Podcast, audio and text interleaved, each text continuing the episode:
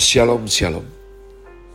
Selamat hari Jumat 12 Agustus 2022 Kembali jumpa bersama saya Pendeta Kaleb Hofer Bintor dalam anugerahnya. Penuh sukacita sampaikan pesan Tuhan melalui Grace Word yakni suatu program renungan harian yang disusun dengan disiplin kami doakan dengan setia supaya makin dalam kita beroleh pengertian mengenai iman, pengharapan, dan kasih yang terkandung dalam Kristus Yesus. Sungguh besar kerinduan saya bagi saudara sekalian, agar supaya kasih dan kuasa firman Tuhan setiap hari tidak pernah berhenti menjamah hati, menggarap pola pikir kita, dan paling terutama kehidupan kita boleh sungguh berubah menuju Christ likeness. Berada dalam season autumn dengan tema bulan ini, Declaring King's Mandate, Grace Word hari ini saya berikan judul Glory of God bagian yang ketujuh. Glory of God bagian yang ketujuh mari bergegas yakni menuju Yohanes 12 ayat 44-45. Sebagai fondasi saya berbagi pesan Tuhan hari ini. Firman Yesus yang menghakimi. Tetapi Yesus berseru katanya, Barang siapa percaya kepadaku, ia bukan percaya kepadaku, tetapi kepada Dia yang telah mengutus aku.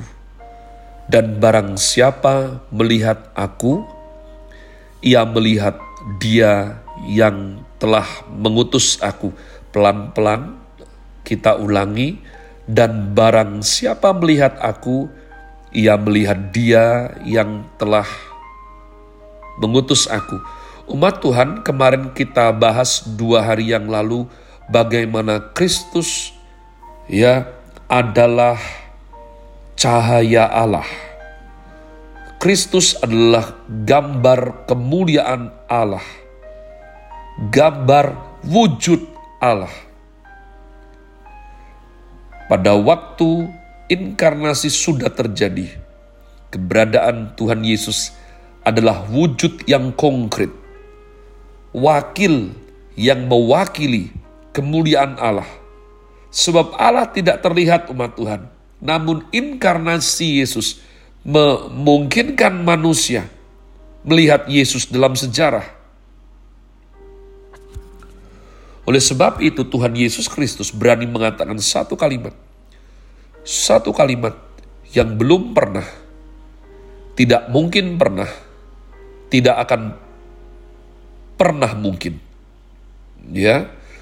Yesus Tuhan mengatakan satu kalimat yang belum pernah, tidak mungkin pernah, tidak akan pernah mungkin, tidak ada yang berani atau boleh mengucapkan oleh siapa pun dalam jagat raya ini. Hanya Tuhan Yesus. Kalaupun kepikiran, tapi tidak mungkin kepikiran, tidak mungkin, tidak mungkin. Yakni kamu melihat aku, bukan melihat aku, melainkan melihat Dia yang mengutus aku. Tidak ada orang tokoh agama lain berani tulis seperti ini, mah Tuhan. Adakah orang pernah mengatakan kalau kamu melihat Caleb Hofer, kamu bukan melihat Caleb Hofer, kamu melihat Presiden Joko Widodo? Bisakah seperti itu? Tentu tidak, umat Tuhan siapa saya ya. Tidak ada orang berani mengatakan hal itu. Orang akan lihat saya lalu memutuskan apakah harus telepon rumah sakit jiwa atau tidak mungkin. Sementara anak-anak rohani saya mungkin berusaha membela supaya saya tidak ditangkap dikira orang sinting mbak Tuhan. Ya, karena Presiden Joko Widodo ada wujudnya. Dan semua ngerti bentuknya seperti apa beliau itu. Langsing, kurus, ya, rambutnya tebal, Sedangkan saya rambutnya tipis, perutnya yang tebal. Tuhan Yesus mengatakan kalimat tersebut. Inilah suatu lompatan yang luar biasa, berbeda secara kualitatif daripada agama-agama umum di muka bumi ini. Orang Yahudi tak mungkin pernah mengerti kalimat tersebut karena mereka tahu Allah tidak bisa dilihat. Saat manusia melihat Allah dengan mata jasmani, Saat itu pula tanda bahwa manusia mati. Inilah pengertian orang Yahudi. Itu sebabnya pada waktu Tuhan Yesus mengatakan kalimat tersebut mereka mengatakan Yesus orang Nazaret menghujat Allah.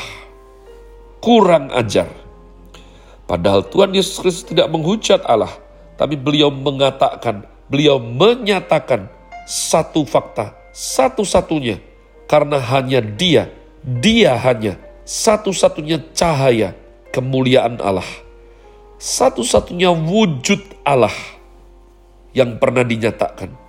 Kristus adalah satu-satunya substansi wujud Allah yang bisa menyatakan Allah yang tidak tampak. Maka Kristus adalah cikal bakal representatif of God's kingdom on earth. Tuhan Yesus berkata, "Kamu percaya kepadaku, bukan percaya kepadaku." Saudara, kau bisa rasakan tidak? Ini orang kalau tidak hebat, mau karang seperti ini pun susah loh umat Tuhan.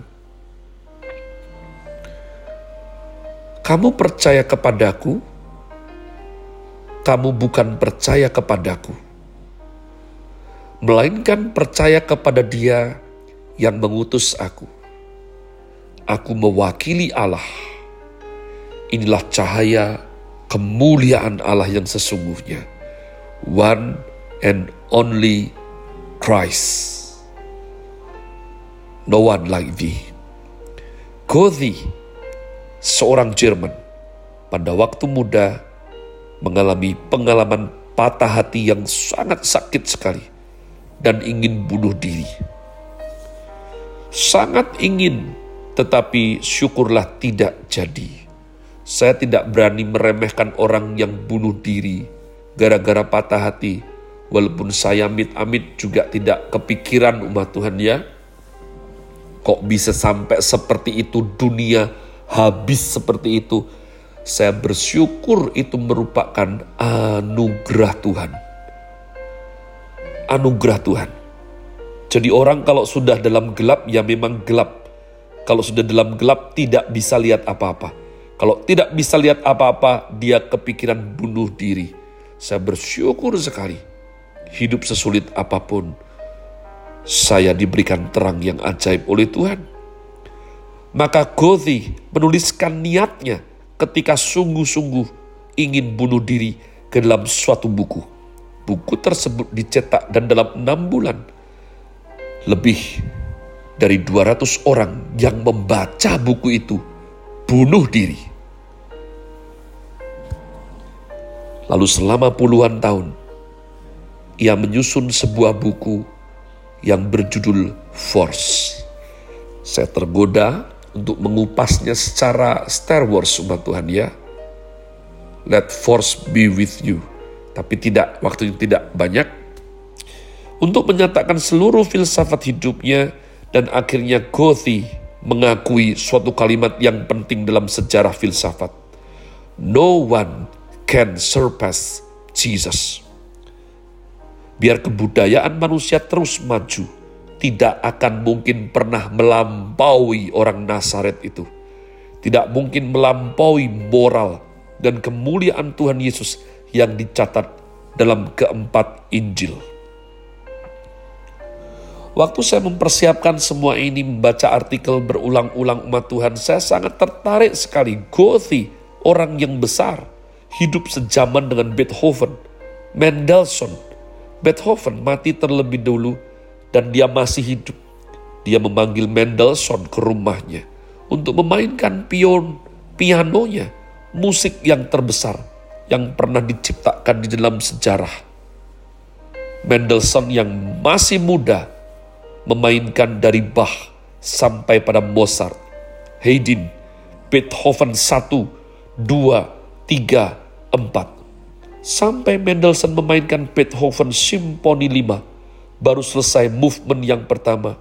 Goethe mengatakan, sudah, Mendelssohn stop, jangan mainkan lagi. Mengapa? Dia bilang karena waktu kamu memainkan Beethoven yang kelima, sejahtera, damai yang saya pupuk, yang saya latih melalui meditasi dan lain-lain, sejak saya muda langsung hilang semuanya. Gothi berkata kepada Mendelssohn, kamu mengacaukan sejahteraku. Apa artinya?